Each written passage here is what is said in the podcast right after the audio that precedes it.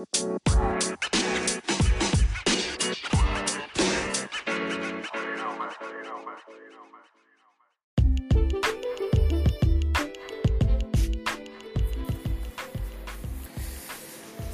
warahmatullahi wabarakatuh. Kembali lagi di Orasi Santai. Gimana perpolitikan Indonesia? Sosial media sudah semakin suram Terakhir ini ada dua hashtag yang seru ya Yaitu apa, Mbah Maimun Zubair doain Prabowo. Sama kamu digaji pokoknya gitu lah ya kamu digaji oleh siapa gitu. Yang apa Kementerian Kominfo ya Kemenkominfo. Ya kalau gue komentar simpelnya ya ya ada beberapa kader gitu ya. Ini kader memang hidupnya nggak sehat gitu ya. Lu mau salah mau bener ya tetap dibela-bela. Gila-gilaan lah hidupnya nggak sehat banget sih. Pokoknya harus dibela gitu. Ada yang bilang enggak kok membangun dengan doa kedua membuktikan bahwa beliau mendukung Jokowi. Terus ada video ininya lah ya kan? Dibuat video lagi sama Romi untuk membuktikan bahwa mendukung Jokowi gitu.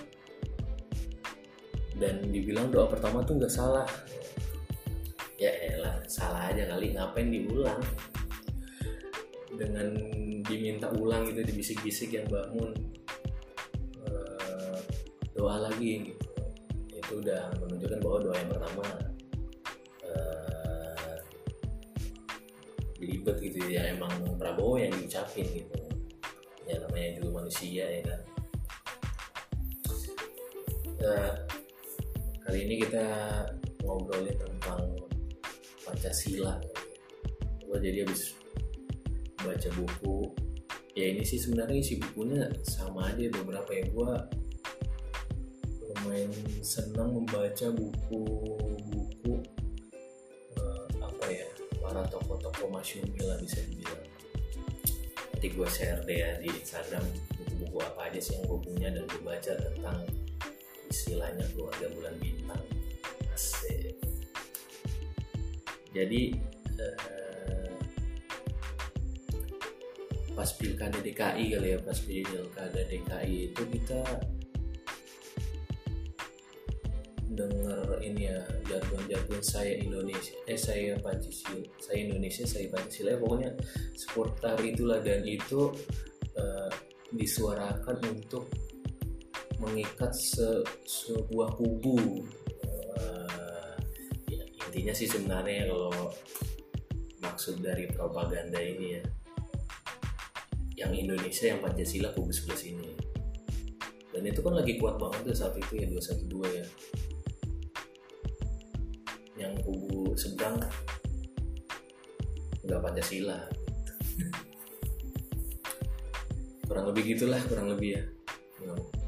Nah tapi intinya sih dari dulu ya dari dulu misalnya kita baca diskusi-diskusi atau debat-debat di ruang-ruang sidang konstituante ya DPR-nya zamannya itulah tahun 50-an pas uh, pasca pemilu pertama ya sebenarnya yang didiskusikan ya masalah penafsiran sebuah Pancasila. Memang Pancasila tuh tafsirannya gimana sih? Nah, siapa kan? Makanya perebutan penafsiran kubu A menafsirkan Pancasila itu tanpa aspek ketuhanan bahkan ya bahkan misalnya kita melihat dari sejarahnya bahkan misalnya Bung Karno gitu. Dan ini yang jadi kasusnya Habib Rizik pasal tutuh ketuhanan ditaruh di tit gitu. Ya kan? Dan itu dilaporin tuh sama Bung Karno ya. Jadi kalau Bung Karno sendiri pun ya uh, memang betul di rencana apa ya di pidatonya dia Pancasila versi beliau sebelum menjadi benar-benar saat ini ya ketuhanan itu ditaruh di terakhir. Dan bahkan misalnya bahasanya Bung Karno ya, lalu bisa cari lalu cari bacaannya gitu ya.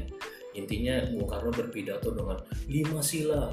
Jika diperas menjadi tiga menjadi A B C. Jika diperas lagi menjadi satu itulah adalah gotong royong. Ya, intinya gotong royong. Misalnya Pancasila itu diperas menjadi cuma satu sila bagi Bung Karno itu gotong royong. Nggak ada ya gotong royong aja nggak ada aspek ketuhanannya itu bisa hilang bagi Bung Karno dan beda ya uh, mungkin ini bakal gue tulis kali ya di penaksi.com jadi kalau Bung Hatta gitu dan tokoh-tokoh Islam di Masyumi atau tokoh ya aspek misalkan Pancasila diperas itu menjadi satu sila bagi mereka adalah yang pertama adalah yang tersisa yaitu adalah pasal ketuhanan. Nah, dari dulu sampai sekarang aspek penafsiran Pancasila ini pun menjadi rebutan gitu ya.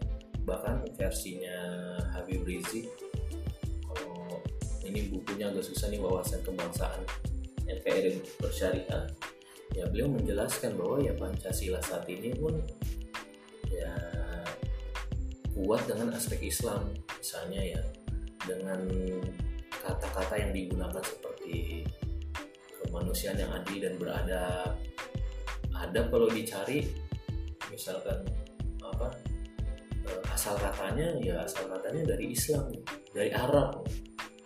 Berarti Pancasila suruh pergi ke Arab aja. Yang Pancasilais itu karena turunan katanya dari Arab. Ya pokoknya banyak lah keadilan. Adil itu eh, akar katanya itu ya dari eh, agama Islam dan kalau kita telisik di Indonesia di Nusantara saat itu ya kata adil itu nggak ada. Dan diyakini oleh Habib Rizik berdasarkan eh, analisa beliau ya. Pancasila saat ini ya harus ditafsirkan dengan sudut pandang Islam. Dan bahkan pun uh, oleh tokoh-tokoh agama yang ini ya dari aspek lain misalnya dari Kristen Katolik itu pun mereka juga mengedepankan aspek ketuhanan di sidang konstituante tuh ada ya ini gue bacain deh jadi eh, salah satu anggota konstituante yang beragama Nasrani misalnya nih ya. Nah, namanya Mononutu. Dia bilang ketuhanan yang Maha Esa adalah bagi kami pokok dan sumber dari lain-lain sila. Tanpa ketuhanan yang Maha Esa, Pancasila akan menjadi satu filsafat materialistis belaka. Jadi tokoh Nasrani pun ya, tokoh Kristen ya, mereka pun juga menganggap aspek ketuhanan di dalam Pancasila itu penting berarti agama boleh dibawa ke politik justru menjiwai gitu. kalau lu Pancasila lu harus menjiwai uh, agama lu ketuhanan lu dan kalau di Islam ketuhanan itu holistik menyeluruh dan lu yang nggak bisa kalau berpolitik dan bawa, agama nggak bisa. Di Islam itu semuanya nggak cuma politik ekonomi bersih bersih di rumah ya semua kegiatan lah. Jadi uh, wajar bahwa ya orang Islam gitu ya membawa agamanya ketika berpolitik justru bagus justru lebih beradab ketika Mononutu itu uh, berpidato seperti yang tadi sama Muhammad Nasir dijawab Buk, ini jawabannya ya Bukankah ini berarti, saudara ketua, bahwa di sinilah kita sampai pada satu titik pertemuan antara umat Kristen dan umat Islam, yakni sama-sama hendak mencari dasar negara yang bersumberkan wahyu ilahi. Dengan demikian, akan terdapat kiranya kenyataan bahwa baik golongan saudara, mononutu, dan golongan kami mendapat persesuaian dalam satu hal esensial, yakni sama-sama menolak paham sekuralisme sebagai falsafah negara. Ya begitulah. Ya mungkin itu aja cukup ya ya.